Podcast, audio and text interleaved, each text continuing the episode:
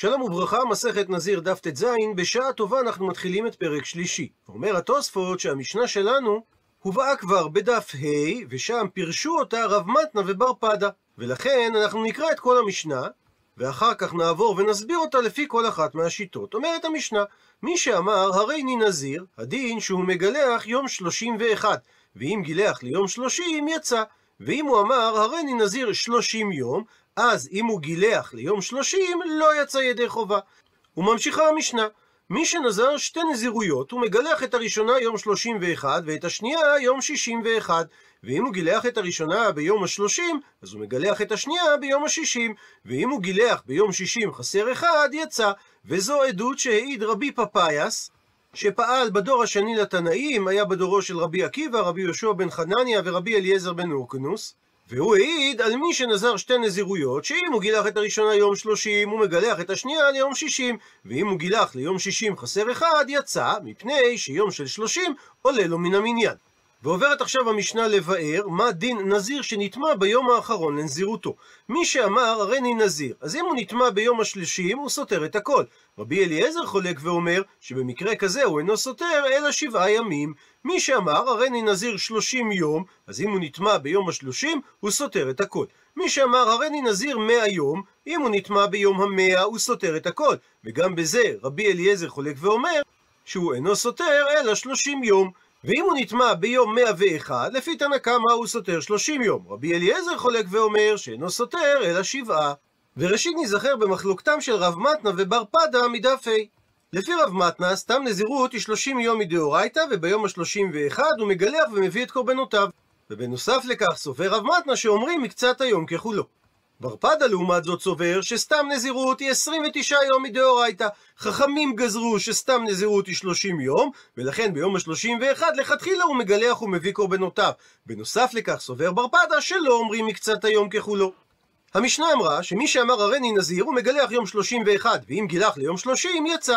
רב מתנה יסביר שלכתחילה ביום ה-31 הוא צריך לגלח, מפני שמדאורייתא צריך 30 יום שלמים, ובדיעבד אומרים שמקצת היום ככולו, לכן ניתן לצאת גם ביום ה-30.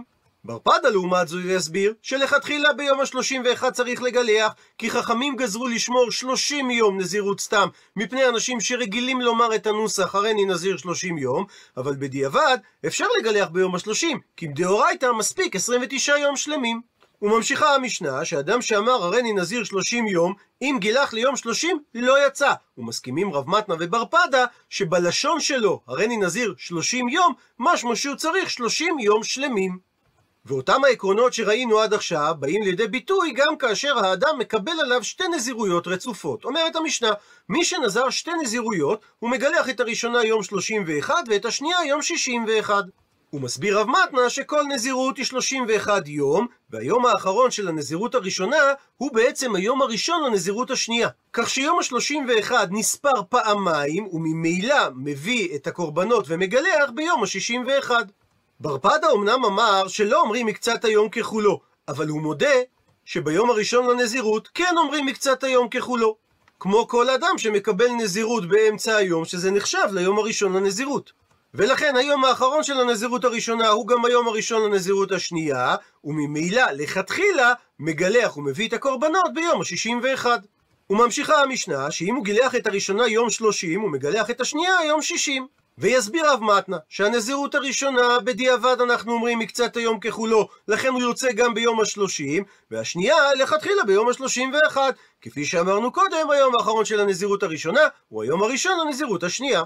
גם לפי בר פדה, הראשונה היא בדיעבד ביום השלושים, מפני שמדאורייתא מספיק 29 יום שלמים. השנייה היא לכתחילה 31, וכבר ראינו שמודה בר פדה, שהיום האחרון של הנזירות הראשונה הוא היום הראשון לנזירות השנייה. ואומרת המשנה שאם הוא גילח ביום 60 חסר אחד יצא, ובמקרה הזה מדובר שגם הנזירות הראשונה וגם השנייה הם בדיעבד, כאשר היום האחרון של הנזירות הראשונה הוא היום הראשון לנזירות השנייה. ועל כך העיד רבי פפאיאס על מי שנזר שתי נזירויות, שאם גילח את הראשונה 30 יום, מגלח את השנייה יום 60, ואם גילח ליום 60 חסר אחד יצא, שיום 30 עולה לו מן המניין. כאשר לפי רב מתנה, יום השלושים עולה מן המניין, זה בין לנזירות הראשונה, בין לנזירות השנייה, אבל ברפדה יסביר שהמשמעות של המשפט עולה לו מן המניין מתייחס רק לנזירות השנייה. ומביאה המשנה מחלוקת לגבי מי שאמר הריני נזיר ונטמע ביום השלושים. לפי תנא קמא הוא סותר את הכל, רבי אליעזר אומר שהוא אינו סותר אלא שבעה ימים.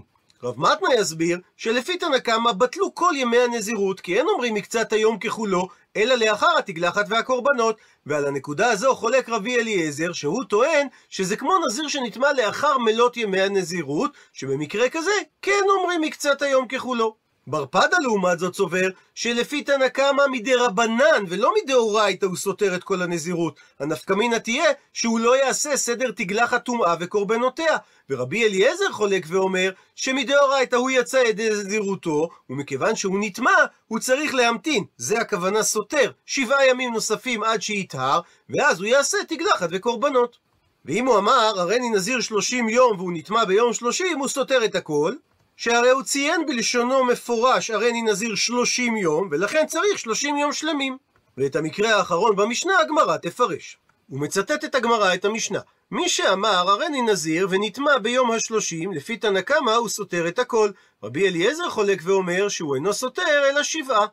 הפכנו דף, ואומרת הגמרא, כסבה רבי אליעזר, שכל נזיר שנטמע אחר מלות, על משקל מה שכתוב בפסוק, כל ימי נדר נזרות תער לא יעבור על ראשו, עד מלות הימים אשר יזיר לאדוני, קדוש יהיה גדל פרע שיער ראשו.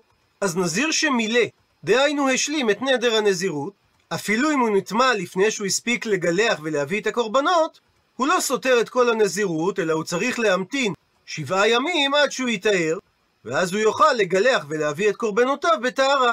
ולכן רק שבעה ימים הוא סותר, ולא את כל הנזירות. ומביאה הגמרא ציטוט נוסף מהמשנה, אדם שאמר הריני נזיר שלושים יום ונטמע יום שלושים, הדין שהוא סותר את הכל. ובמקרה הזה לא פליג, לא חלק רבי אליעזר על תנא קמא, מפני שהוא הסביר, דאמר האדם באופן מפורש, הריני נזיר שלושים יום שלמין. ולכן במקרה כזה, לדעת כולם, לא אומרים מקצת היום ככולו.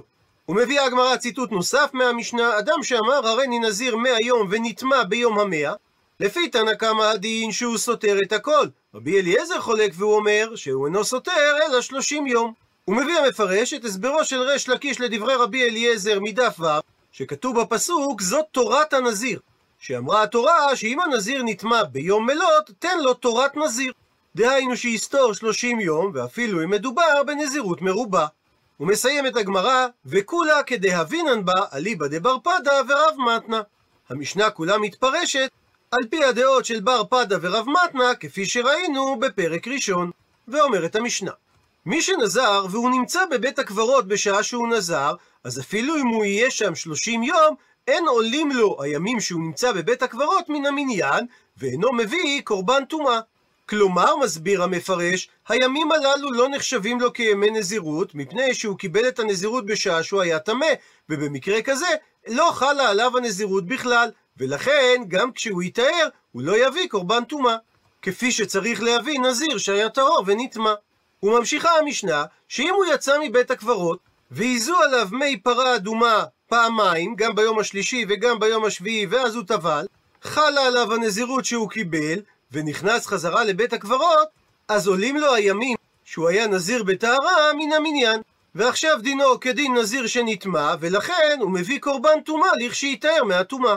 רבי אליעזר חולק ואומר שגם כשייזו עליו מי אפר פרה פעמיים, גם ביום השלישי וגם ביום השביעי, ואז הוא טבל, לא נסתרת הנזירות שלו אם הוא נכנס לבית הקברות בו ביום.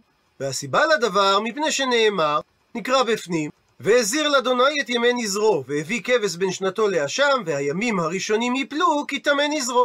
ולומד רבי אליעזר מזה שכתוב והימים הראשונים יפלו, מיעוט רבים שניים, עד שיהיו לו ימים ראשונים. דהיינו עד שיעברו עליו מינימום של שני ימים בטהרה. ואומרת הגמרא איתמר, פתיחה למחלוקת המוראים. לגבי מי שנזר והוא נמצא בבית הקברות. רבי יוחנן אמר שהנזירות חלה עליו, וריש לקיש אמר שאין הנזירות חלה עליו. הוא מבאר את הגמרא. רבי יוחנן אמר שהנזירות חלה עליו, מפני שרבי יוחנן סבר מתלתליה וקיימה. הנזירות שהוא קיבל על עצמו בבית הקברות תלויה ועומדת מעליו, וכיוון דמשכחא טהרה חיילה. וכיוון שהיא מצאה מצב שבו הוא טהור, חלה הנזירות.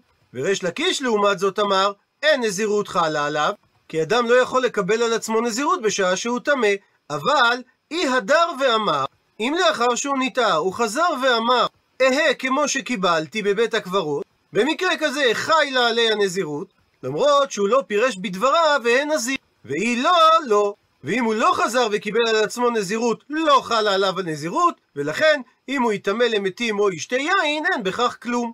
ומביאה עכשיו הגמרא רצף של שאלות על ריש לקיש. אי טבעי, הקשה רבי יוחנן לריש לקיש, מהמשנה שלנו שאמרה, מי שנזר והוא בבית הקברות, אפילו היה שם שלושים יום, אין עולים מן המניין, ואינו מביא קורבן טומאה. עד לכאן לשון המשנה, הוא מדייק רבי יוחנן, קורבן טומאה הוא דלא מייטה. הא מיכל חי עלי. ניתן לדייק מלשון המשנה, שדווקא קורבן טומאה הוא לא צריך להביא, אבל עצם הנזירות חלה עליו. אמר לי, עונה ריש לקיש לרבי יוחנן, שהמשפט אינו מביא קורבן טומאה, הוא בעצם מסקנת המשנה, שמי שנזר בבית הקברות, אין הימים הללו עולים מן המניין, לפי שאין הנזירות חלה עליו כלל, ולכן הוא אינו בתורת טומאה ואינו בתורת קורבן. הייתי וממשיך רבי יוחנן ומקשה על ריש לקיש מהתוספתא שאמרה מי שהיה טמא ונזר, אסור לגלח ולשתות יין ולהיטמא למתים. ואם גילח ושתה יין ונטמא למתים, הרי זה סופג את הארבעים. עד כאן לשון התוספתא, וגם היא מתייחסת למי שעומד בבית הקברות. ומקשה רבי יוחנן, היא אמרת בי שלמה, נוח לי להבין את דברי התוספתא, אם אתה אומר שאכן מי שנזר בהיותו טמא, חי לה עליו הנזירות, אז היינו תמה דסופג את הארבעים. אז ברור הדין שאמרה התוספתא, שאם הוא גילח או שתה יין או נטמא למתים, הוא לוקה. אלא היא אמרת, שמי שנזר בהיותו טמא, לא חי לה עליו הנזירות, עמי סופג את הארבעים. שהרי לפי שיטתך ריש לקיש, עדיין לא חלה עליו הנזירות. ואין עליו איסור להתגלח או לשתות יין או להיטמא למתים. הפכנו דף, מתרצת הגמרא שריש לקיש יאמר, הכא במאי עסקינן, כאן באיזה מציאות מדובר? ביוצא ונכנס. הוא מסביר התוספות שמדובר באדם שקיבל על עצמו נזירות בשעה שהוא היה טמא, אבל אז הוא יצא מן הטומאה ועיזה ושנה וטבל, דהיינו טיהר את עצמו וקיבל עליו נזירות פעם אחרת, ושוב הוא נכנס לטומאה, או גילח או שתה יין, ואמרה התוספתא שהוא לוקה את הארבעים. ובאה התוספתא לחדש שאף על גב שהוא לא חזר ואמר במפורש הריני נזיר, אלא אמר יחול עליי הנזירות שקיבלתי על עצמי בהיותי טמא, שהנזירות חלה עליו ולכן הוא לוקה. או גם ניתן לומר שהתוספתא באה לחדש, שמיד כשהוא יטהר מוטל עליו לקבל נזירות, והוא עובר על הלאו של בל תאחר אם הוא אינו נזיר מיד. עד לכאן דף ט"ז.